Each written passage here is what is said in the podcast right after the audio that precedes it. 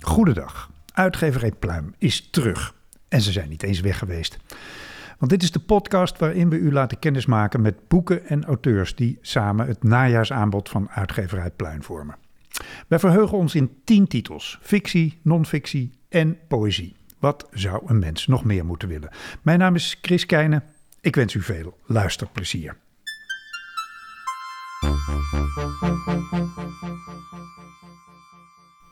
Gaston Dorre is taaljournalist. Uit hartstocht, zoals hij zelf zegt. De kennis is gaandeweg ontstaan. Hij is dus geen gebreveteerd taalkundige, vindt hij zelf. Maar kun je dat nog zeggen van iemand die inmiddels vijf boeken schreef over taal, waaronder het met de Onze Taal ANV Taalboekenprijs bekroonde Babel over de twintig reuzentalen van de wereld. En in zijn nieuwste boek staan we er fijn op, wij Nederlanders. The Dictionary heet het. Dag Gaston. Dag Chris. Wat maakt jou nu bij uitstek geschikt om dit boek te schrijven? Um, nou, ik zou het eigenlijk liever omdraaien. Hoe kun je aan dit boek zien dat ik het geschreven heb? Dat, hè, dat is toch ongeveer hetzelfde, maar het klinkt wat minder uh, opschepperig. Oké. Okay. um, want uh, het zit hem niet in de trefwoorden. Ik bedoel, laat een andere schrijver dit boek schrijven... en die krijgt ongeveer, je krijgt ongeveer diezelfde lijst van, uh, van lemma's... van uitdrukkingen met Dutch erin. En het zit hem ook niet in de, in de feitelijkheden, want ja, die kun je gewoon opzoeken hoe dat allemaal zit. Want laten we dat eerst even uitleggen. The Dictionary is een boek over alle buitenlandse uitdrukkingen, Engelse uitdrukkingen, waar Dutch in voorkomt. Dat klopt. Uh, uitdrukkingen, woordcombinaties, ook een aantal plaatsnamen, dat soort zaken. En daar zijn er honderden uh, van. Aha. Um, en die hebben soms een, uh, vaak een figuurlijke betekenis, vaak een negatieve betekenis.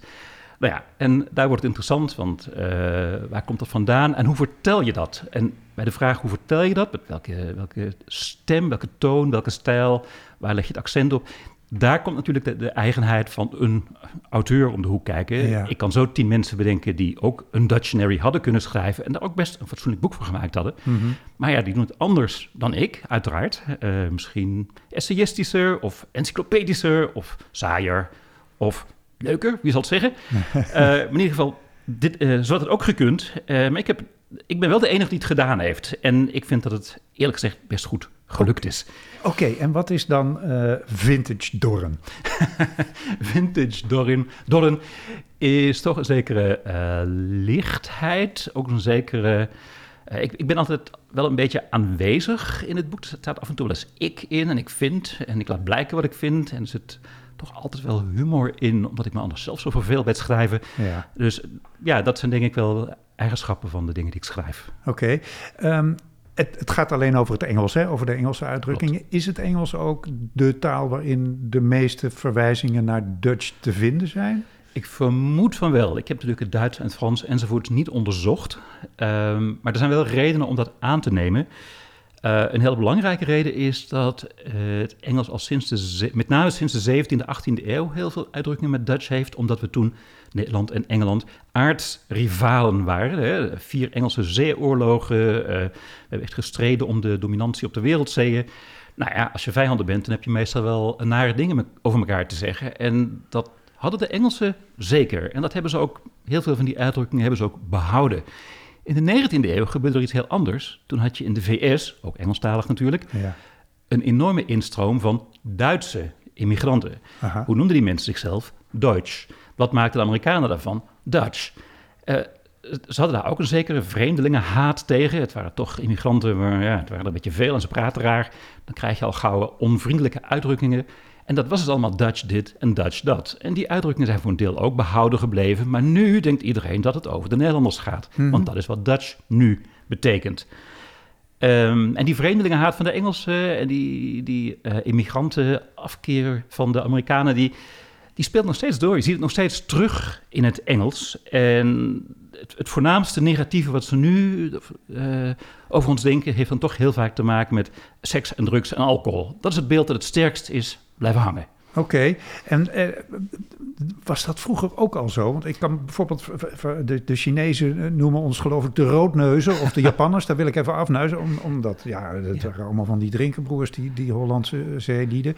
Had het vroeger ook al met uh, seks, drugs en rock'n'roll te maken? Nou, uh, seks in die zin, dat eigenlijk denken we altijd dat buitenlanders uh, rare seksuele praktijken erop nahouden. Dat denken de Russen over de Polen en de Spanjaarden over de Portugezen en noem maar op.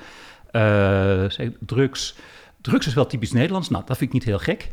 Daar zijn eigenlijk best redenen voor. Hè. Nederland heeft natuurlijk toch decennia lang een soort uitzonderingspositie ingenomen op het uh, gebied van uh, softdrugs met name. Ja. Dat begint nu maar zijn daar ook moderne uitdrukkingen ja, uit ja, zeer zeker. Dan? Er zijn zeker ja. Want het gaat tot op de dag van vandaag door. Dat wij... Zeker. De recentste die ik gevonden heb dateert uit 2016.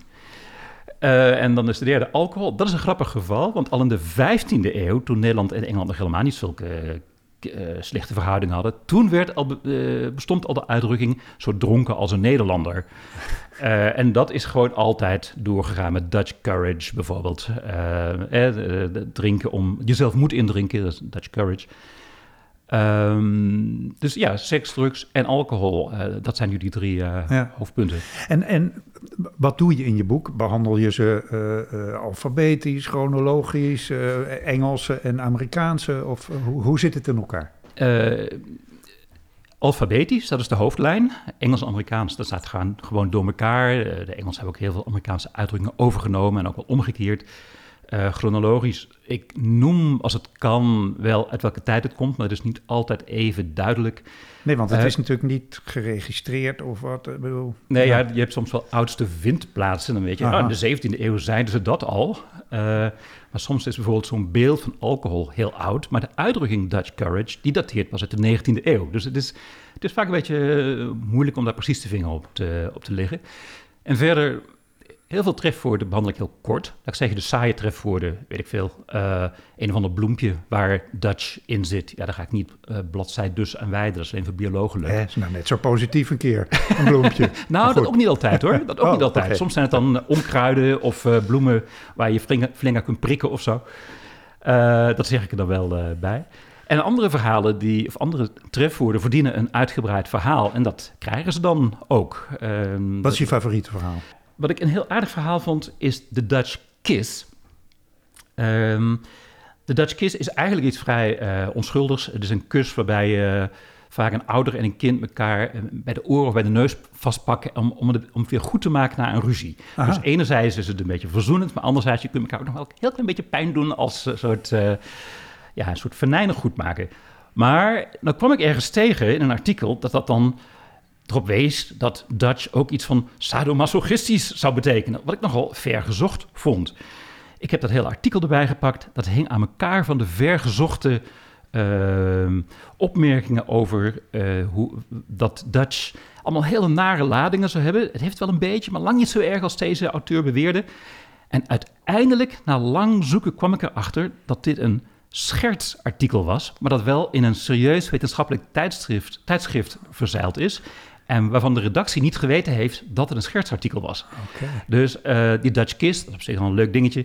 Maar dat artikel waar ik dat in aantrof, dat was echt een van de bijzonderste verhalen waar ik, uh, uh, waar ik op gestuurd ben in, dit, in dit, deze research. Geweldig. En ik, en ik begrijp dus dat het een boek is vol met dit soort interessante verhalen en, en, en kleinere weetjes, anekdotiek.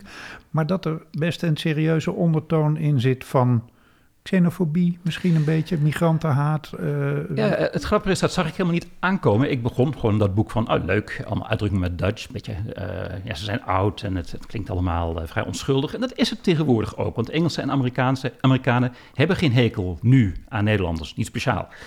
Um, maar als je je voor de geest haalt dat dit wel ontstaan is uit echte afkeer, dat het echt wel be begonnen is als haattaal dan ga je opeens nadenken over de negatieve en, en zure en scherpe taal die we nu in onze tijd nog uh, bezigen. En dan gaat het natuurlijk niet over Engelsen, niet over Nederlanders, dan gaat het over hele andere groepen.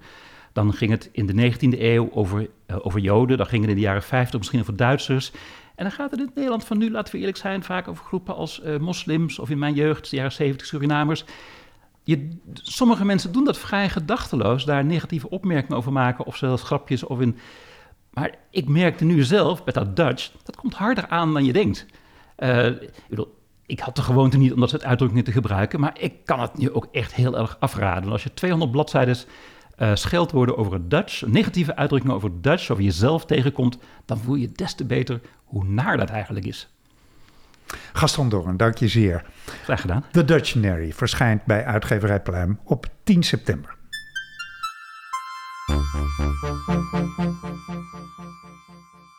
Nagoem Wijnberg is jurist en econoom, tegenwoordig in functie als hoogleraar cultureel management aan de Universiteit van Amsterdam. Maar vooral ook is hij auteur van een onvergelijkbaar oeuvre van romans en poëzie. Voor uh, dat laatste, dat oeuvre, ontving hij twee jaar geleden de PC Hoofdprijs voor Poëzie. Nadat hij eerder al de Jan Kampert, de Ida Gerhard en de VSB Poëzieprijzen had gekregen. En dus is het een gebeurtenis. Een nieuwe bundel van Nagoem Wijnberg. De bundel heet Joodse gedichten. En ik spreek met Nagoem Wijnberg uh, over een digitale verbinding. Uh, dus als u de geluidskwaliteit af en toe een beetje onder het niveau vindt dat u van ons gewend bent, dan komt het daardoor. Dag Nagoem. Dank. En ik hoop dat uh, na deze inleiding dat elke kraak in mijn keel nu uh, goed uitgelegd wordt. Ja, dat dat, dat uh, op het digitale wordt weggeschreven. um, De eerste zin in de aanbiedingsfolder van je nieuwe bundel is... Joodse gedichten is een bundel over Joden voor wie het bouwen van de synagoge waar ze niet heen gaan een eerste levensbehoefte is. Is dat een omschrijving die jij gemaakt hebt? Uh, ja, het is een verwijzing naar een, uh, naar een oude Joodse grap uh, ik weet niet of die de, de, de, de, bekende grap van dat er op een onbewoond eiland een Joodse schipbreukeling aangespoeld is. En op een gegeven moment wordt hij, komt een ander schip die hem daar uh, redt. En hij laat nog even zien wat hij in de jaren dat hij op het eiland doorgebracht heeft allemaal gebouwd heeft. Zijn, zijn, huis, zijn schuur en de twee synagoges. En de, waarom, waarom twee synagogen? Ja, je moet er ook eentje hebben waar je niet heen gaat. Dat, uh, dat, dat, gebruik ik ergens in een van de gedichten sowieso. Maar het is ook een, een uitdrukking van de, nou ja, niet alleen de, de, de, de manier waarop uh, het in de Joodse gemeenschap vrij gebruikelijk is om wat je onder Joden verstaat uh, zelf uit te leggen. Maar ook dat, je, uh, ja, dat daar heel veel verschillende perspectieven op, op mogelijk zijn en dat je daar kan kiezen. Ja. en dat is iets wat een vrij belangrijke rol speelt in deze bundel, denk ik. Ja, want uh, hoe speelt dat een, een rol? Uh, is, probeer je in je gedichten al die verschillende perspectieven uh, zichtbaar te maken of maak je keuzes? Wat doe je? Nou, in de bundel probeer ik iets ja, te doen met, met, met ik bedoel, heel modieus zelfs, laat ik dat erbij zeggen, vooral voor de boekhandel. het, is een, het is een bundel die, die ook en misschien zelfs met name gaat over identiteiten. En toevallig is, is die Joodse identiteit is eentje die ik in voorraad heb. is, het, is het ook een die, die een vrij goede, uh, ja, extreem voorbeeld van een bepaalde identiteit is. Het, het, hij bestaat al lang, hij is op heel verschillende manieren uitgelegd en uh, uh, je, je kan er vrij veel mee doen. En op de een of andere manier is het tegelijk een persoonlijke, individuele identiteit. Het is een groepsidentiteit met heel veel ruzie over hoe die groep gedefinieerd moet worden, zowel mm -hmm. intern als extern. Het is een historische identiteit en tenslotte kan je er zelfs een soort kosmische identiteit uh, van maken. En dat een van de leidmotiefs in de bundel is het, het, de, de, de, het wachten op de niet komende Messias wat juist een, een, vrij, ja, uh, uh, een vrij mooi aspect is van de Joodse identiteit, waar ik vrij veel dingen op, aan kan ophangen. Want nogmaals, een van de, van de ook weer zelfs de Talmoedische basisleer over de Messias is dat, we hopen natuurlijk allemaal dat, dat die komt, maar de, de, de, als je hoort dat die komt, moet je maar gewoon doorgaan met waar je verder die dag mee bezig wil zijn. Want je kan beter daar, als, als het einde van de wereld komt, die komt wel.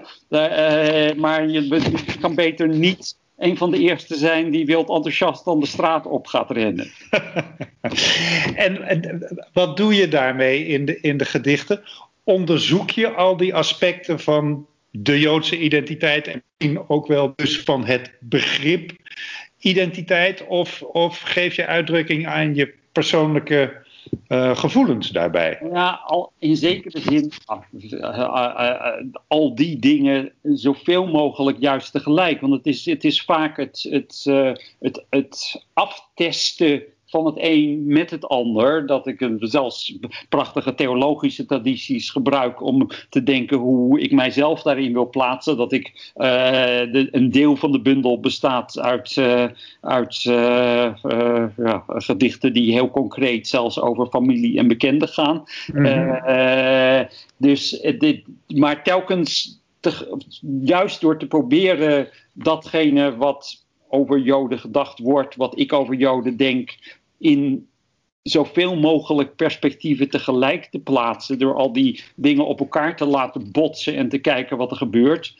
Denk ik, hoop ik, dat daar af en toe, uh, nou ja, dat ik af en toe daarmee dingen ietsje beter begrijp. En misschien zelfs een dood enkele keer een redelijk gedicht schrijf. Ja, want uh, aan de ene kant is het natuurlijk een uh, idiote vraag om aan een dichter te stellen, maar ik, ik stel hem toch, want dit is voer voor essayistiek, uh, voor non-fictie. Waarom is het voer voor gedichten? Uh, dat, is de, de, dat is het soort vraag waar, waar een, uh, waar ik denk dat een dichter zeer uh, aanmatigend en misschien zelfs hooghartig op dient te antwoorden. en, eh, en, en, sprekend voor mijzelf, ik, heb, ik moet toegeven dat ik dat wel eens eerder gezegd heb en uh, mensen zelfs wat vreemd heb horen zien kijken. Maar de poëzie is het krachtigste het meest, het, scherpste instrument wat ik ken om over wat dan ook na te denken. Als het niet lukt met een gedicht, nou ja, dan kan je proberen of er niet een essay lukt, of desnoods een roman, of een avondvullend televisieprogramma. Maar als het kan met een gedicht, is dat altijd de eerste keuze. Laten we dan even heel concreet eindigen. Uh, hoe groot is de bundel geworden? Om hoeveel gedichten gaat het? Het zijn 70 gedichten. Hoe groot die precies wordt hangt van de bladspiegel af. En die ja. wordt, uh, we zitten precies deze week in het persklaar en proevenstadium. Dus dat, dat weet ik nog niet precies. Maar het zal ergens in de buurt van de 80, uh, 85 pagina's worden, denk ik. 70 Joodse gedichten dus. Hartelijk dank, Nagum Wijnberg. En Joodse Gedichten verschijnt bij uitgeverij Pluim op 6 oktober 2020.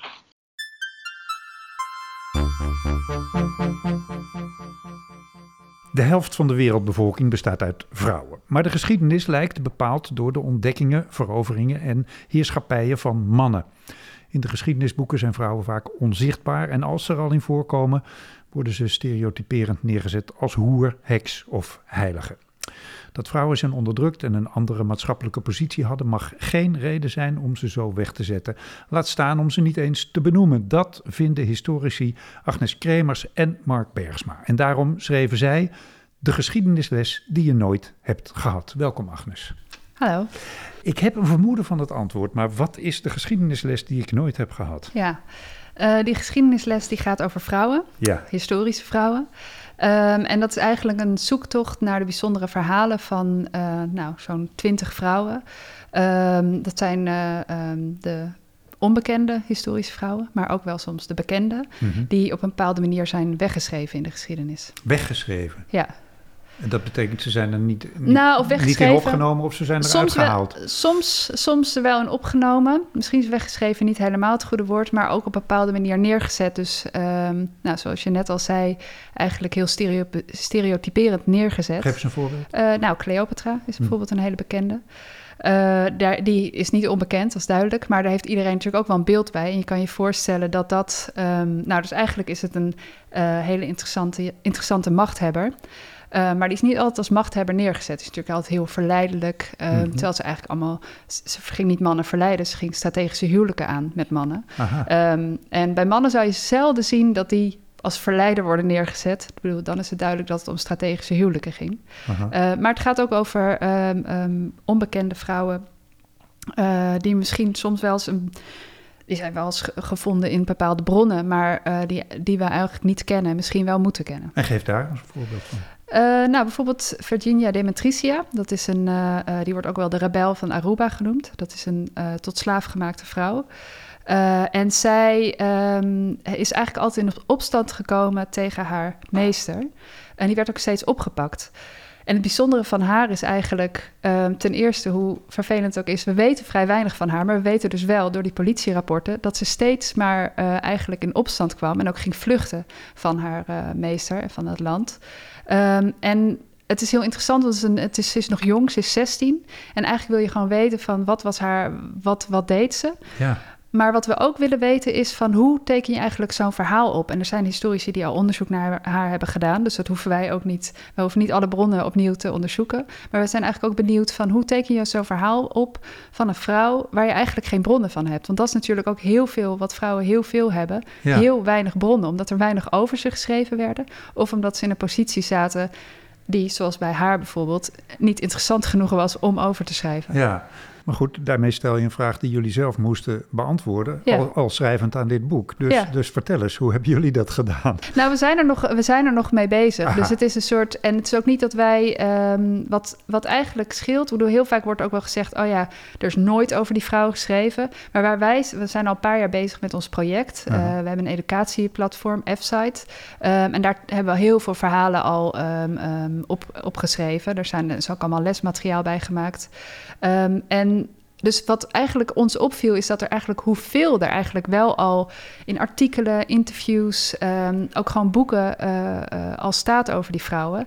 En wij willen eigenlijk een aantal vrouwen eigenlijk in de schijnwerpers zetten. Aha. En ook meer niet alleen, niet alleen de biografie van die vrouw, maar ook wat zo'n verhaal zegt eigenlijk over vrouwen in de geschiedenis. Dus het voorbeeld van Virginia is, um, nou ja, een vrouw met weinig bronnen hoe kom je dan toch aan een verhaal? Maar bijvoorbeeld ook als je kijkt naar bekendere namen als Wilhelmina Drucker. We kennen allemaal Aletta Jacobs. Die is heel bekend als de, van de eerste feministische golf en haar strijd voor vrouwenkiesrecht. Maar uh, eigenlijk is het verhaal van Wilhelmina Drucker ook hartstikke interessant. Uh, ze was ook eigenlijk eerder dan Alette Jacobs. Nou hoef je die twee niet altijd tegen elkaar af te zetten. Maar wat wel interessant is, is dat bijvoorbeeld Alette Jacobs pakte weer haar podium. En Wilhelmina Drucker, die, ja, die was altijd heel hard aan het werk en in de strijd bezig. Maar minder ijdel. En ook minder bezig zichzelf in de geschiedenis te schrijven. En sloeg dus ook minder neer in de bronnen die je later gebruikt als ja, dus dan is, En dan is Alette Jacobs die het heel slim heeft gedaan en terecht ook. Ik bedoel, het is een, een geweldige vrouw. Maar die heeft haar eigen memoires uh, opgesteld en uitgegeven. En dat heeft Wilhelmina Drucker bijvoorbeeld niet. Wat betekent dat zij gewoon minder bekend is. En dat zijn ook interessant. En dat gaat eigenlijk over. Dan gaat het niet alleen maar over Wilhelmina Drucker, maar dit gaat over meer vrouwen. Er zijn, ik bedoel, er wordt uh, bijvoorbeeld ook als je kijkt naar nu naar zo'n kanon. Er worden mensen op een erepodium gezet. En dat is natuurlijk altijd in de geschiedenis. Want je kan niet alles vertellen. Maar het is ook interessant om. Um, nou ja, zo'n Wilhelmina Drucker als voorbeeld te nemen, wat meer vrouwen is overkomen, zeg maar. Ja. Maar het gaat dus om begrijp ik op zijn minst om twee dingen. Namelijk de verhalen van de vrouwen. Jullie wilden deze vrouwen eruit lichten. Hoeveel vrouwen? Om hoeveel vrouwen Ja, we gaan waarschijnlijk twintig. Ja. Twintig, ja. oké. Twintig vrouwen eruit lichten. Niet, niet alleen Nederland, want we, hebben natuurlijk al duizend en één vrouwen uit de Nederlandse geschiedenis. Ja, maar, ja. Eh, dus, dus dit is internationaal. Ja. En het gaat dan om de verhalen van de vrouwen. Maar, maar jullie willen heel nadrukkelijk ook iets zeggen over geschiedschrijving. En misschien zeker. wel handvatten bieden aan toekomstige historici over ja. hoe, hoe, je dat aan moet pakken. Ja, zeker. Want wij, wij merken ook gewoon vaak dat we, omdat we al een paar jaar bezig zijn met projecten, wordt heel vaak gevraagd van. Um, oh ja, maar noem dan een paar vrouwen. Of wel, wie waren dan de belangrijke vrouwen? En eigenlijk zit het al heel vaak in die, in die bijvoeglijk naamwoorden die mensen zoeken. Van noem eens een paar belangrijke vrouwen. Nou, als het gaat om belangrijk, ja, wat is belangrijk? Um, dat, zijn eigenlijk, dat is eigenlijk ook waar dit boek over gaat. Mijn van, moeder was belangrijk. Ja, precies, inderdaad. nou, mijn moeder ook. en zo heel veel vrouwen. En de vraag is, als je kijkt naar politiek, militaire of economische uh, posities... Um, uh, dat is duidelijk. En maar die hebben in, als het gaat om de West-Europese geschiedenis, dan weet je zeker dat daar meer mannen zaten. En die hebben gewoon de belangrijke machtsposities, die zaten meer bij mannen. Ik bedoel, dat is mhm. duidelijk. En het interessante, denk ik, is uh, wat wij, of wat wij in ieder geval interessant vinden en willen overbrengen, um, is dat belangrijk misschien ook soms subjectief is in de zin van dat heel veel vrouwen natuurlijk, er zitten allemaal hele slimme vrouwen tussen. En die zaten ergens, die deden dingen. Wat deden ze? Als ze misschien niet die machtsposities hadden, waar zaten ze dan wel? Ja, waarmee het natuurlijk niet een academisch boek wordt, denk ik. Nee, nee, het is echt een. ja, ja, we hebben ook een eigen bedrijf. We zijn, we zijn publiekshistorici. Uh, we doen alleen maar publiekshistorische projecten. Dus dat, gaat, dat is niet een boek wat op de boekenplank binnen de academie hoeft te blijven liggen. Oké, nou veel succes nog met het boek, want het verschijnt bij uitgever Pluim op 28 januari 2021. De geschiedenisles die je nooit hebt gehad. Dank, Agnes Kremers. Dankjewel.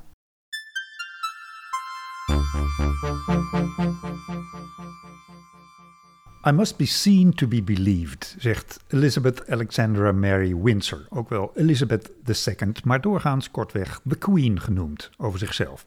En het zou dus zomaar kunnen dat er de afgelopen jaren nogal wat gelovigen bij zijn gekomen, want in de zeer succesvolle Netflix-serie The Crown hebben wereldwijd heel veel mensen althans één versie van The Queen gezien. Dat de aanbidding van Her Royal Highness ook voor haar eigenste volk een kwestie van religie is, betoogt voormalig correspondent en veelgevraagd analiste van het Verenigd Koninkrijk, Hieke Jippes. In het voorwoord van God Save the Queen, een verzameling stukken over Elizabeth II die dit najaar bij uitgeverij Pluim verschijnt. Dag Hieke. Hallo. Die religiositeit, die toon jij onder meer aan door te laten zien dat haar onderdanen haar een soort onverenigbare kwaliteiten toedichten, namelijk aan de ene kant een verpletterende gewoonheid en aan de andere kant een volstrekte, bijna goddelijke uniciteit. Um, wat zegt dat over haar? Dat zegt over haar dat uh, haar persoon dat mogelijk niet helemaal matcht met haar status. Maar het is wel zo dat de positie van een vorst in Engeland een andere is dan bij ons. Hè. Zij wordt echt gekroond. Hij wordt een kroon op het hoofd gezet, anders dan bij ons. Ze wordt gezalfd. Ze is ook hoofd van de Anglikaanse staatskerk. Um, zij, uh, en, en wat uh, haar sterk maakt, uh, wat elke vorst sterk maakt in Groot-Brittannië, is het feit dat ze zo'n ontzettend lange traditie achter zich heeft, die als het ware dwingt tot het voortzetten van die traditie ook in moderne tijden dat um, er een gevoel van bestendigheid van die kroon uitgaat. Mm -hmm. En zeker van de persoon van de koningin, die in dit geval langer dan Victoria uh, al bijna 70 jaar op de troon zit. Ja, precies, want je zegt als het ware dwingt, maar je beschrijft ook dat, dat die dwang, dwang wel heel erg groot is. Hè? Je beschrijft haar haar voornaamste dilemma, haar spagaat. Dat ze altijd op verschillende momenten moet kiezen tussen het belang van haar dierbaren, haar familie, haar kinderen en, en die plicht. Ja, en daar gaat de plicht altijd voor. Ja. Is dat uniek voor Elizabeth II? Dat is denk ik Um, in ieder geval, nou je kunt niet zeggen het is uniek voor elke vorst, want we weten allemaal dat het grote trauma in uh, het bestaan van de monarchie van de laatste, laten we zeggen, twee eeuwen is dat er een koning is geweest die zei: Ik trouw liever met een twee keer gescheiden vrouw dan dat ik me tot koning laat kronen. Hè? Dat was uh, in 1937 um, um, de toekomstige Edward VIII, die met Wallace Simpson is getrouwd. En dat trauma heeft zowel haar vader, die toen koning moest worden, als haarzelf heel erg doordrongen van het feit dat door dat soort dingen um, de troon wankelde. Ja ja. Um, maar tegelijkertijd uh, is ze van een verpletterende gewoonheid hè? Als, als mens. Je, je, beschrijft ergens een scène waar ze ontbijt uit plastic bakjes eet. En ze houdt vooral van honden en paarden. Ze houdt vooral van honden en paarden. En er is geen, geen stoeterij die het allemaal beter weet wat de bloedlijnen betreft uh, dan zij. Ze heeft ook wel eens gezegd tegen vriendinnen die dat dan weer tegen de pers mochten zeggen... dat ze eigenlijk het liefste gewoon Ehm, de eigenaresse ja, boerin was geworden, grootboerin van een heel groot uh, landgoed, waar ze zich alleen maar bezig hoefde te houden met honden, paarden en het beheer van de landerijen. Ja. En het feit dat uiteindelijk in haar functie als, uh, als vorstin die plicht altijd voorgaat, als ze moet kiezen tussen haar dierbare en de plicht, maakt dat haar ook tot de kille vrouw uh, die ze soms, misschien zelfs wel vaak in de publiciteit lijkt? Nou ja, ze lijkt in de publiciteit voornamelijk um, afstandelijk. En dat is nog een overblijfsel van uh, de tijd van haar vader en uh, diens voorgangers. Uh, royals hoorden niet te lachen en hoorden niet te huilen. Royals hebben ook daarom, zeggen sommigen, nauwelijks gevoel voor humor. Behalve dat ze het enig vinden als er iemand naast de stoel gaat zitten. maar, maar echt, echt verfijnde Britse humor, die, die, die, hebben, die zullen ze moeten leren veel aspecten dus aan uh, het verschijnsel uh, Elizabeth. Um, er hebben diverse vrouwen voor dit uh, boek stukken geschreven. Lydie Austin, Brigitte Balfour, Reinildes van Ditshuizen, Wies Endhoven, Dorine Hermans, Vanessa Lamsveld, Nienke van Levering, Monica Soeting en Lisette Kruijf. Welke aspecten behandelen ze allemaal? Allerlei um, aspecten waarin ze zich, natuurlijk zichzelf uh, meebrengen. Hè. Wies Enthoven bijvoorbeeld uh, heeft een erg leuk stuk geschreven over de koningin als typische oudste dochter. Die heeft eerder een boek over wat oudste dochters gemeen hebben uh, geschreven. Wat ik zelf een heel leuk stuk vond was dat van Vanessa Lamsveld, die um, deze 94-jarige koningin vergelijkt met haar eigen oma, die van een soortgelijke uh, jaargang is. En daarin de overeenkomsten en verschillen. Dus allebei nog net niet achter de rollator, uh, maar wel de lift nemen. Uh, wat de koningin betreft niet meer die zware kroon van een kilo op haar hoofd bij de opening van het parlement. Ze doet dus wel concessies aan haar leeftijd. Je ziet het ook aan de schoenen bijvoorbeeld. Maar um, ze, ze, houdt het toch maar vol. En ze, doet, ze gaat zitten nu als ze iemand tot ridder moet slaan. Maar uh, ze, ze, weet toch, per, vorig jaar heeft ze geloof ik nog iets van 225 plichten vervuld. Hm. Terwijl tegelijkertijd natuurlijk um, Charles en Camilla en alle andere royals die daarna komen ook een groot gedeelte van de verplichtingen op zich nemen. Ja, nou, nou, nou was jij kwalitaten qua al heel lang bezig met onder meer de koningin, met het hele Verenigd Koninkrijk, maar ook met de koningin. Um, heb je bij dit boek toch nog weer een vollediger beeld gekregen? Ja, omdat het um, andere mensen zijn die naar haar kijken dan Britse royalty watchers.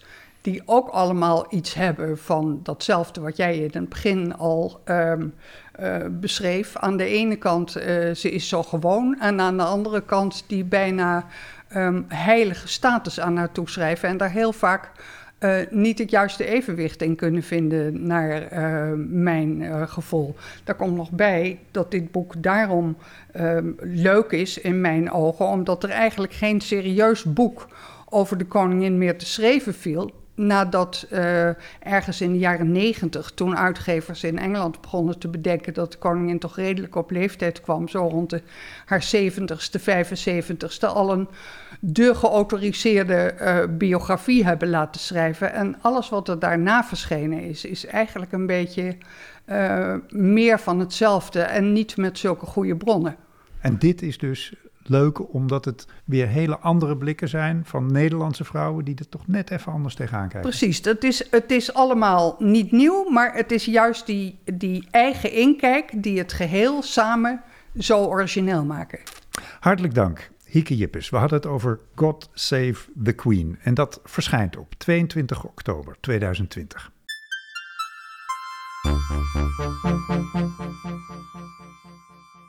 Eind oktober verschijnt bij uitgeverij Pluim in een co-productie met Dipsaus Afrolid. Aangeprezen als een unieke verzameling teksten waarin de kracht van zwarte letteren van elke pagina spat. Twee jaar na het verschijnen van de historische uitgave Zwart, Afro-Europese literatuur uit de lage landen, is er nu deze bloemlezing van moderne literatuur uit de Afrikaanse diaspora. Dag, Dalila Hermans. Goedemiddag. Jij bent samen met uh, eh, EBC Rauw de samensteller van deze bundel. Waar hebben jullie precies naar gezocht? Uh, nou, we wilden um, verder bouwen op, uh, op zwart eigenlijk. Want zwart, ja, de, de premisse was het een beetje hetzelfde. We willen die zwarte letteren, we willen zwarte auteurs in, in de kijker plaatsen. Maar um, de bedoeling was om verder te bouwen, niet gewoon hetzelfde te herhalen. Um, dus we hebben eigenlijk een beetje het, het veld uitgebreid. we hebben ook, nu zijn er ook auteurs bij met roots in Noord-Afrika of de Caraïben. Um, dus we hebben een beetje verder gekeken dan enkel uh, Zwart-Afrika. Um, ja, en uh, we wilden heel graag een, een grote variëteit aan, uh, aan inhoud ook. Dus we hebben echt van alles. Het gaat van opiniestukken tot uh, bijna poëtische proza meer, um, tot ja, heel anekdotische verhalen. Het is, het is echt een mengelmoes geworden. Ja, een mengeling dus van fictie, non-fictie en, en ook poëzie, begrijp ik, van 17 auteurs die nu in Nederland en België wonen. Hè? Maar met, met, met wortels in, ja, op alle plekken waar de Afrikaanse uh, diaspora zich verspreid heeft. Inderdaad, dat is heel mooi omschreven. Oké, en ehm, wat de inhoud betreft, is die Afrikaanse diaspora, die overeenkomst in identiteit, ook bij iedereen het thema of uh, gaat het daar helemaal niet om?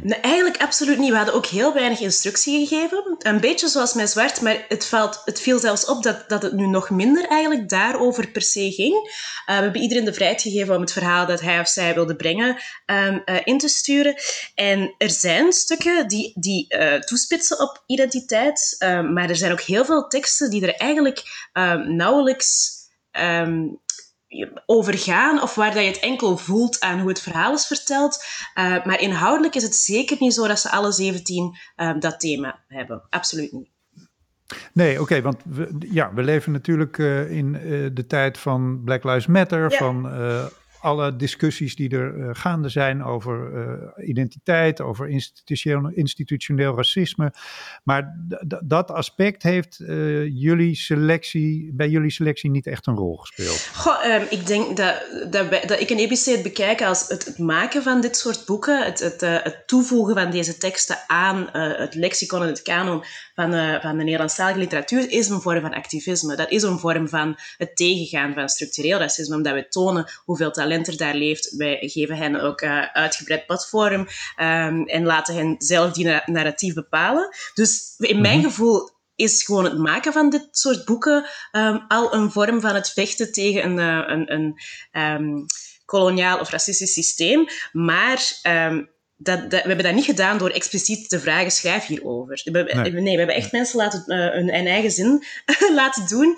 En uh, ja, er is, een heel mooi, er is een heel mooi evenwicht uitgekomen eigenlijk. Ja, want ik begrijp uit wat je vertelt dat het allemaal teksten zijn die origineel voor dit boek geschreven zijn?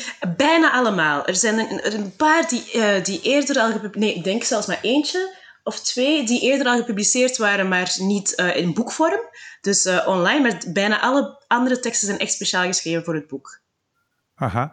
En nou ja, een moeder houdt natuurlijk altijd van al haar kinderen evenveel. Maar um, is er één verhaal bij dat je, dat je eruit zou willen lichten?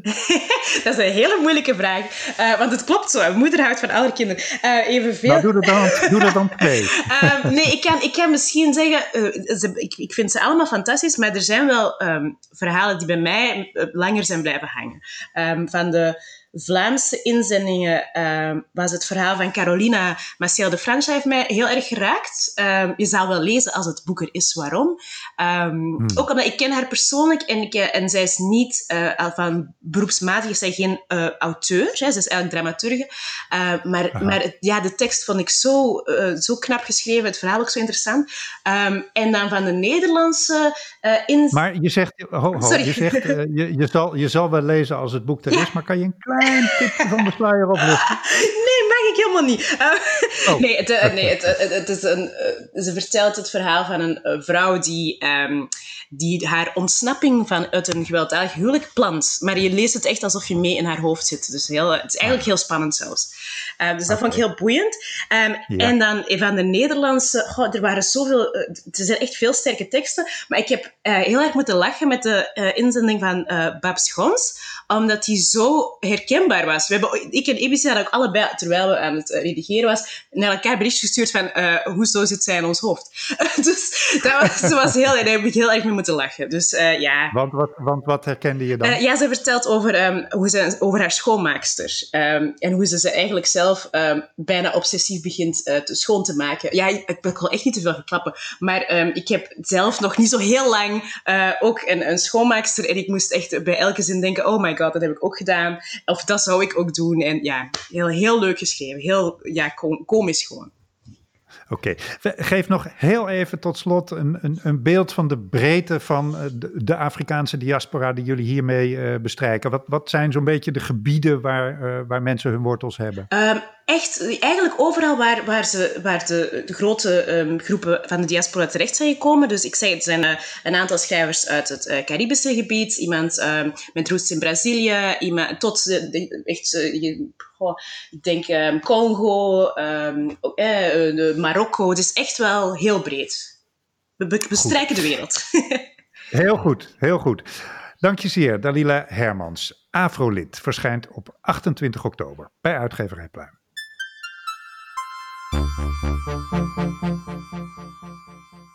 Rouwpoëzie die nog honderden bladzijden had mogen voortduren, schreef NRC Handelsblad over Esther Kinski's roman Kreupelhout, die eerder verscheen bij uitgeverij Pluim. En de krant gaf dat boek vijf ballen. En dus zal er zeker één professionele lezer blij zijn dat er nu een nieuwe vertaling van werk van Kinski is.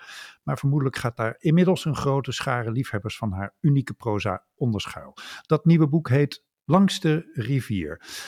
Hello, Esther Kinski. Hello. Um, I just introduced your uh, new book. That is to say, the book that's going to appear in translation now uh, with Uitgeverij Pluim. Mm-hmm. Um, it's a stupid question to, to, to put to an author, but what's the novel about? Well, I think actually the author should be the last person to have to answer this question. What is it about? It is about the exploration of an area of a of a terrain, let's say, which is really my favorite word because I don't like to pin it down to landscape or nature nor city. What I'm interested in other margins. And uh-huh. it is really about there is an eye narrator, a woman who is um, spending 10, 12, maybe less months at, at the end of a number of years that she has spent in London. And uh, um, she's preparing to move away abroad and has now settled for this final part of her life in London, in um, in East London, in a park mm-hmm. where she had not been living before.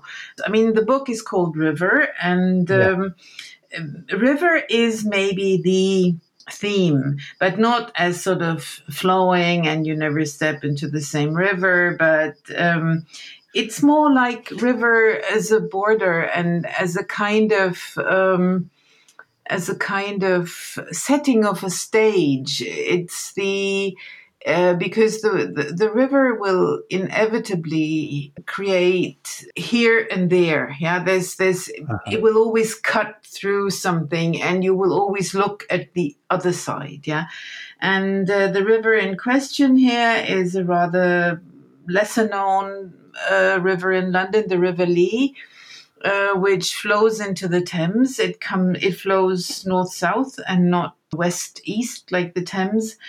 And it came to brief sort of fame uh, during the Olympics in London. But actually, the notes for this book and the photographs all predate the London Olympics. They were taken in the early years of the this century, let's say. Uh-huh.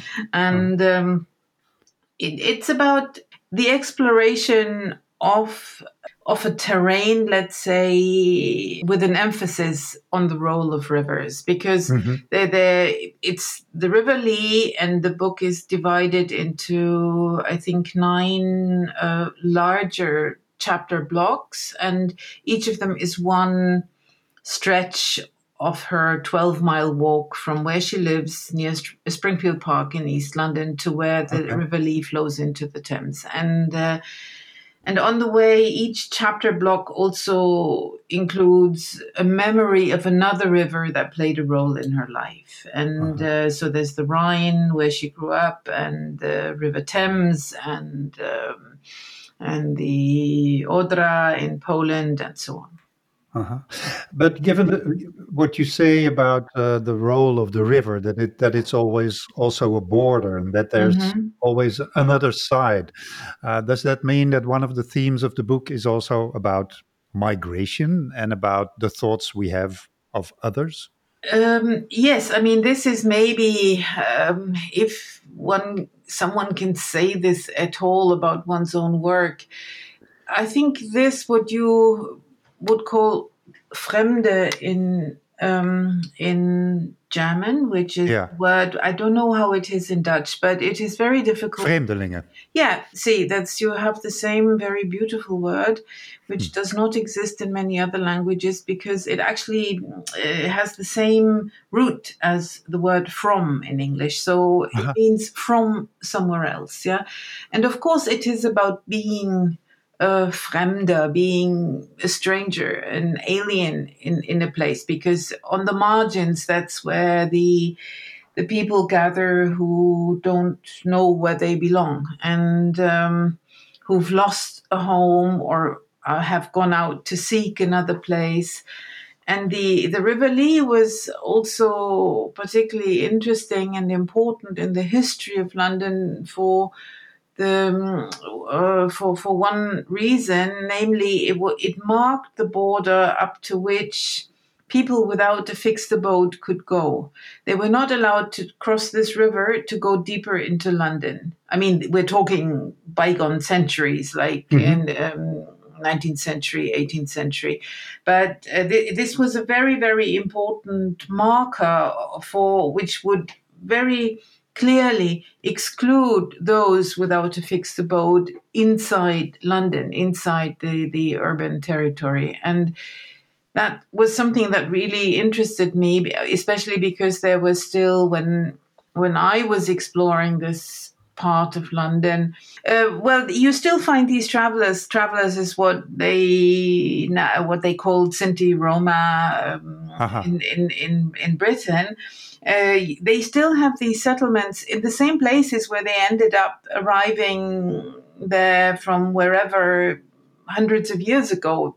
But at the time, they were this was marshland. Now this is they have their caravan parks under motorways, flyovers in in in a very sort of nondescript kind of semi-industrial mm. land but it, it's it's a very interesting phenomenon and altogether i mean the the way on the margins you find a much deeper and more varied and less less documented history of laborers, let's say, of what really keeps the cities going. Yeah? And uh, and that's what interested me. This mixture of yeah, people from all over the world in this part of London at the time, and but at the same time, these these really deep traces of hmm. history of people in transit. It's it's it's a it's a transit zone, I would say. Yeah,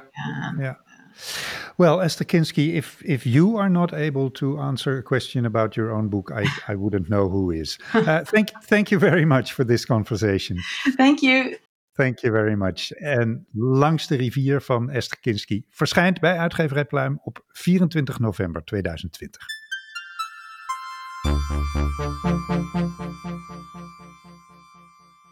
Wanneer je, zoals Alex Halberstad, erachter komt dat je grootvader van vaderszijde nog leeft en een van Stalins bodyguards was, dan weet je dat je als schrijver op een goudmijn zit. En wanneer je ook nog veel te bespreken hebt met je vader, die in de Sovjet-Unie achterbleef toen jij als kind met je moeder emigreerde naar de Verenigde Staten, dan zou niets je tegen moeten houden om op reis te gaan en die mannen op te zoeken.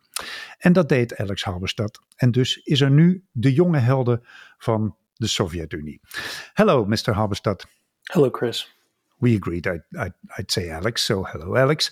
Um, I just, yeah, I just uh, explained that when you find out that your grandfather on father's side uh, is still alive and has been one of Stalin's bodyguards, and when you also have a lot to discuss still with your father, who stayed behind in the Soviet Union um, when you emigrated to the United States, then there's nothing that should stop you to to travel to the former Soviet Union and go look for these people. And that's exactly what you did for this book, isn't it? Uh, yes, Chris. I um, I never knew my grandfather. His name was Vasily, and he was um, uh, an agent of the KGB, um, and then for about twelve years, the personal bodyguard of Joseph Stalin. I, would never met him, and it was only in 2004 that I learned that he was alive.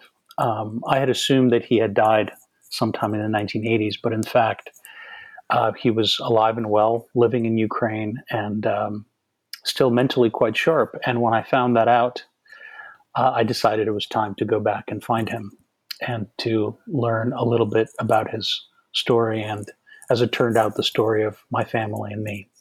Yeah, and um, and the story about your father, because because what's the story behind that?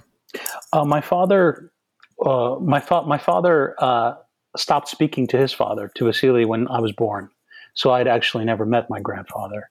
Uh, they were. Um, my father was a bit of a hippie. He loved jazz and you know uh-huh. American music and books. And my grandfather was a Stalinist and a you know um, an agent of the secret police. So they had many reasons not to talk. But I think the main one was that he had been a, my grandfather had been a brutal father himself, and uh, so they never spoke to each other after I was born. So I really knew no, almost nothing about him, and my father was very reluctant when I was a kid to talk about his father and his family. So in a way, it was like learning everything from the beginning. I knew almost nothing. No, and and and how how did that go about when you went to the former Soviet Union and met your grandfather? Was it was it easy to to start the conversation? It was not easy to start the conversation. Nothing about it was easy. Um, he at first when I called him, he didn't he didn't remember that he had a, had a grandson. He told me he didn't, and then his wife came on the line and said, "If you come, he will remember. We have a photo of you." And and when I finally came, you know, I think it, it, was an interesting situation because I think he was very excited to meet me. You know, we have a very small family. Uh, and at the same time, I think he was very conscious of wanting to project a very positive picture of himself. And I think a lot of what I wanted to know, being a journalist and sort of treating him almost as an interview subject, was about things he had done in the 1940s and 50s, um, as well as the late 1930s, of course, which was the, the years of the Great Terror. Mm-hmm. And it took quite a bit of coaxing, and I think uh, I, I think I can say manipulation to get him to finally open up. Uh, which was partly done with help from his wife, who finally slammed her hand on the table and said, "Vasily, just tell him the truth." Huh? So, so it, uh, no, it was not easy, Chris. and uh, and and and what in the end was the role of your own father, and what what will be his role in the book? The, the, I mean, the trip to Ukraine and the book that followed was were really attempts to understand what had happened to my family and what had happened, I think, in a larger sense, to the Soviet people. Mm-hmm. Because, uh, you know, I, I, knew that my father was, in some ways, a very haunted guy. He was someone who was not a very active or happy person, uh, not a very active father, I should say. And you know, we he and I barely spoke after my mother and I and her family immigrated to the United States. And part of me wanted to know why. Part of me wanted to know what haunted him, what his own childhood had been like. You know, and so part of this trip, part of this writing this book was was trying to understand all of that, trying to understand the forces that shaped my grandparents and my parents, and then by extension, me. So, could you say that uh, the bigger theme of the book, apart from your own uh, family history, the bigger theme of the book is what the Soviet system did to people? I think that's absolutely true. Uh, I, I would say that that is, of course, the you know the background, the entire backdrop of the book, and certainly I think also the connection between the political and the personal the way that these big historical events really shape people's lives and people's relationships with their wives, with their children, in a way that I think maybe I didn't appreciate uh, mm-hmm. before before setting off on writing this book. I've read that in, in the end, you and your family found a way to to live with um, the family trauma. Could you could you describe what what exactly this trauma was? I think recent science, uh, you know, studies that have come out uh, of epigenetic studies since 2013, both with humans and with animals, have shown that you know uh, that trauma is severe trauma is actually passed down genetically, not to children and to the grandchildren of the original of, of the sufferers of the trauma the, the you know the, the people who suffered it firsthand. And I think what I was interested in was seeing how those events that happened in the 1930s, 40s, 50s shaped my family and shaped my parents and shaped shaped me. You know, and I think the first the first um, and this included, of course, my maternal grandparents, who were the only remaining um, the only remaining members of their extended families who survived the Holocaust. Mm-hmm. Only 5% of Lithuania's Jews uh, survived the Nazi invasion, and they escaped. They both escaped Lithuania on the very morning of the Nazi invasion. So mm-hmm. these were the traumas, you know. Uh, of, of course, being a participant in the Great Terror, being a participant in the crimes of Stalin, even as a perpetrator, not just a victim, is is a form of trauma, you know. Mm-hmm. Uh, and so I needed to know how those whether and how those traumas were passed down in my family. Um, you know, and, and I think the first step to really dealing with any trauma is to first understand what happened. Yeah. And that's what this book was trying to do. So, so in the end, the book is not just an instrument for us to better understand history, but also to better understand the reality we live in. Yes. Uh, and I think to better understand our relationship to that reality, our relationship to these events that sometimes seem very abstract or very, very collective, you know, to the big uh, events of history and politics and war and famine. Um, you know, we're going through just such an event right now, you know, gl- globally. Mm-hmm. And, and I think, you know, to imagine Russia in the middle of the last century is to essentially imagine a place where things like this pandemic things on the scale of this pandemic and even worse were happening constantly, were happening every year. Uh, and were, of course, changing and mutating people's lives and, and you know their relationships. So yes, I think you, I think that's my long answer to your short question, Chris. Okay, thank you very much. I can't wait for the translation to uh, to be finished here in uh, in the Netherlands. Thank you very much, Alex Halberstadt. Thank you so much, Chris. En we spraken over Young Heroes of the Soviet Union, vertaald als De Jonge Helden van de Sovjet-Unie. Dat verschijnt bij uitgeverij Pluim op 17 november 2020.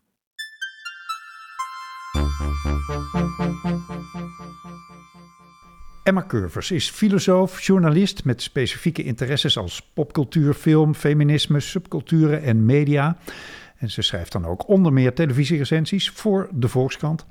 Ze debuteerde in 2014 met de roman Iedereen kan schilderen. En nu is er een tweede roman, Melktanden. Dag Emma. Hallo. Wat een intrigerende titel.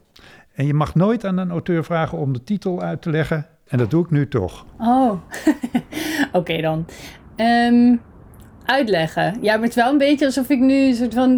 Ben jij zo iemand die, die, die de kruiswoordpuzzels maakt met de oplossing daarnaast? Uh, nee, ik maak nooit kruiswoordpuzzels. nou ja, laat ik maar zo zeggen. Um, er zijn melktanden in het spel. En uh, die melktanden worden ontvreemd door Aha. de hoofdpersoon. En die, die draagt zij uh, gedurende de reis die dit boek is bij zich. maar ja, verder kan ik dat natuurlijk niet gaan zeggen. Maar ik vind melktanden gewoon een heel mooi gegeven uh, om, het staat voor mij voor een soort, toch voor een soort verliezen van onschuld, denk ik. En uh, ik vond zelf ooit een keer mijn melktanden onderin een verhuisdoos terug. En dat vond ik zo'n uh, verschrikkelijke ervaring. Dat ik dacht, oh, hier moet ik een keer iets mee doen. Ja, ja, ja, ja. Nee, het is een prachtige titel. Uh, en ik begrijp heel goed dat je dat niet verder gaat uitleggen. Ik las wel op je website: het is een boek over een vrouw met een obsessie voor de minnares van haar vriend en voor pretparken. Nou, bij dat eerste kan ik me het een en ander indenken, maar leg die tweede obsessie eens uit. Uh, ja, ja de, dus de ik-persoon, Lon heet zij, zij heeft uh, een, een obsessie voor, voor pretparken. En dan met name wel voor, voor achtbanen, maar ook voor de, de sprookjes die, die om pretparken natuurlijk heen hangen. Uh, Disney als voornaamste voorbeeld. Um, ja, en dat heeft toch te maken met een, een hang naar, naar veiligheid die zij heeft. En een, en een drang naar controle. Ik denk dat veel mensen wel een, een veilig gevoel hebben bij uh, Disney-verhalen, die toch de wereld eigenlijk uh, netjes indelen in, in categorieën en ons heel veel leren over goed en kwaad. maar dan uiteindelijk moet je die verhalen natuurlijk wel loslaten. Mm. want op een gegeven moment voldoen ze niet meer helemaal. maar dat veilige gevoel van Disney, dat, dat houden veel mensen toch in hun volwassen leven vast. Ja. ik wel in elk geval. Ja, ja. Maar bij, bij je hoofdpersoon Lon gaat het uh, niet helemaal zo. Ik lees even een klein stukje van de brochure. Het leven zoals Lon het zich had voorgesteld kan beginnen. Ze gaat samenwonen met haar vriend Philip. Ze nemen samen een hondje. Alle puzzelstukjes vallen in elkaar. Maar kort daarna zet Philip alles in één klap op zijn kop. Hij wil geen monogame relatie en hij is verliefd op een vrouw die alles is wat Lon niet is. Xenia. Ja, nou ja, sprookje uh, in rook opgegaan zou ik denken. Als, als ik dat lees, denk ik ook dat ik een moderne zedenschets ga lezen. Is dat zo? Uh, nee, ik denk, ik denk het eigenlijk niet. Tenminste, dat is niet uh, mijn bedoeling om met dit boek per se commentaar te geven op uh, veranderende normen rondom relaties of zo. Want dat is een beetje zoals ik een zedenschets dan uh, begrijp. Aha. Ik denk wel, ik denk dat, dat het boek meer gedreven wordt door gevoelens die, die toch wat tijdlozer zijn, zoals uh, jaloezie of uh, wraakgevoelens. En die komen denk ik binnen moderne relaties, spelen die net zo goed een rol. Maar het speelt zich wel heel duidelijk af in, in, in, in een hedendaagse relatie van zoals je die bij jonge mensen kunt tegenkomen, waarin meer wordt gesproken over uh, de voorwaarden van, uh, van een relatie. Dus dat wel. Ja, ja, ja. maar het gaat met name ook over uh, de strijd die twee vrouwen met elkaar aangaan, of misschien de ene vrouw uh, met, met de andere. Is, is dat een belangrijk thema? Ja, ja, ja, jaloezie tussen vrouwen zeker wel. Ja. Dat heeft wel, denk ik, een maatschappelijk component. Want ik denk wel dat uh, voor veel vrouwen wel herkenbaar is dat, dat vrouwen, andere vrouwen, toch een beetje geleerd wordt soms om, om hen als competitie te zien in relaties. Met name single vrouwen. Die moet je misschien toch een beetje eerder wantrouwen. En er zit een soort scheefheid uh, in als je kijkt uh, hoe dat uh, bij mannen en bij vrouwen gaat. Dus, dus als een man een affaire heeft, dan, dan is die andere vrouw toch wel een beetje een, ja, een takkenhoer, zeg maar. zo zo leren, we, leren we dat toch vaak. En, en die man is een, een beetje een zielig slachtoffer van de situatie, die ook niet meer kan dan zijn instinct volgen. Uh, ja, nu blaas ik het natuurlijk heel erg op, maar je, je snapt misschien een beetje welke kant wat ik bedoel? Ja, ik snap een beetje welke kant het op gaat. Um, ik, ik, lees ook dat je uh, stereotypen over liefde en trouw wil aanpakken in, in de roman. En um, dit, uh, de hoerige vrouw en uh, de man als slachtoffer van zijn driften, is dan een van die stereotypen?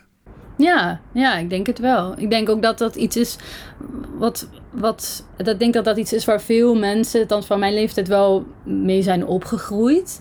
Dat, uh, dat beeld in films van, van vrouwen die eigenlijk een soort hoeders van de, van de rust moeten zijn in veel situaties. En ik denk dat dat iets is waar ik wel uh, waar ik ook moeite mee heb gehad om dat te, te, te overwinnen of zo om vrouwen op op, als net zo verantwoordelijk als mannen uh, te zien. En ik denk dat, ja, ik denk dat dat in heel veel cultuur rondom ons nog steeds zit, zit ingebakken, dat beeld. Dus dat, was, dat is iets wat ik wel interessant blijf vinden. Kijk bijvoorbeeld naar, um, kijk bijvoorbeeld naar de relatie van uh, Dreetje Hazes met Bridget Maasland. Die man had een gezin. En uh, Bridget Maasland was de stoute verleidster die hem uh, uit dat gezin uh, had weggelokt. En die krijgt dan uh, de reacties uit de onderbuik, zijn dan toch de gevoelens van die, die, die gaan over de vrouw als, als verleider. Ja, ja, en die arme Dreetje, ja, ach, die is ook maar zo gebakken ja. als die gebakken is, hè? Ja, ja precies. ja. Ah. Ja, de, de, de, over de melktanden wilde je ook niet al te veel kwijt. Dus ik durf het bijna niet te vragen. Maar wat kan je zeggen over de manier waarop de vrouwen die strijd met elkaar aangaan? Ja, dus de uh, Lon die ontwikkelt in eerste instantie een obsessie voor die andere vrouw. Die dan ook nog Xenia heet. Wat natuurlijk ook uh, weer een heel, heel gevaarlijk klinkt. Op een manier zoals misschien wel meer mensen dat tegenwoordig zouden doen. Dus via sociale media in eerste instantie. Um, maar zij komt op een gegeven moment op het spoor dat Xenia een oma heeft, uh, Louise, die um, een beetje eenzaam is en die deelneemt aan een maatjesproject. Ik weet niet of je dat uh, kent, maar dan gaan uh, eenzame ouderen, die krijgen dan iemand op bezoek. Um, en Lon wordt het maatje van die oma. Uh, dus zij gaat eigenlijk het leven van die minnares, maar zeggen, binnendringen.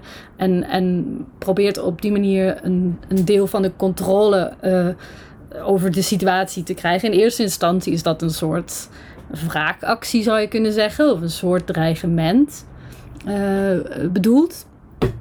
Maar zij krijgen dan, zij en die oma, Louise, daar ontstaat eigenlijk een, een band. die dan dus vrij dubbelzinnig is in de oorsprong, maar uiteindelijk toch wel uh, hen iets brengt. En alle drie eigenlijk. Ja, en dat maakt het leven alleen maar weer ingewikkelder natuurlijk. Ja, natuurlijk. Het moet wel ingewikkeld worden. Oké. Okay. Dankjewel, Emma Curvers. En uh, Melktanden verschijnt op 15 januari 2021. U luisterde naar de podcast met de najaarsaanbieding van uitgeverij Pluim, waarin ik sprak met Gaston Dorn over The Dictionary, met Nagum Wijnberg over Joodse gedichten, met Agnes Kremers over de geschiedenisles die je nooit hebt gehad, met Hieke Jippes over God Save the Queen, met Dalila Hermans over Afrolid, met Esther Kinski over Langs de rivier, met Alex Halberstad over de jonge helden van de Sovjet-Unie en met Emma Curvers over melktanden. Alle informatie vindt u op de website uitgeverijpluim.nl. Bedankt voor het luisteren en veel leesplezier en inkooplust.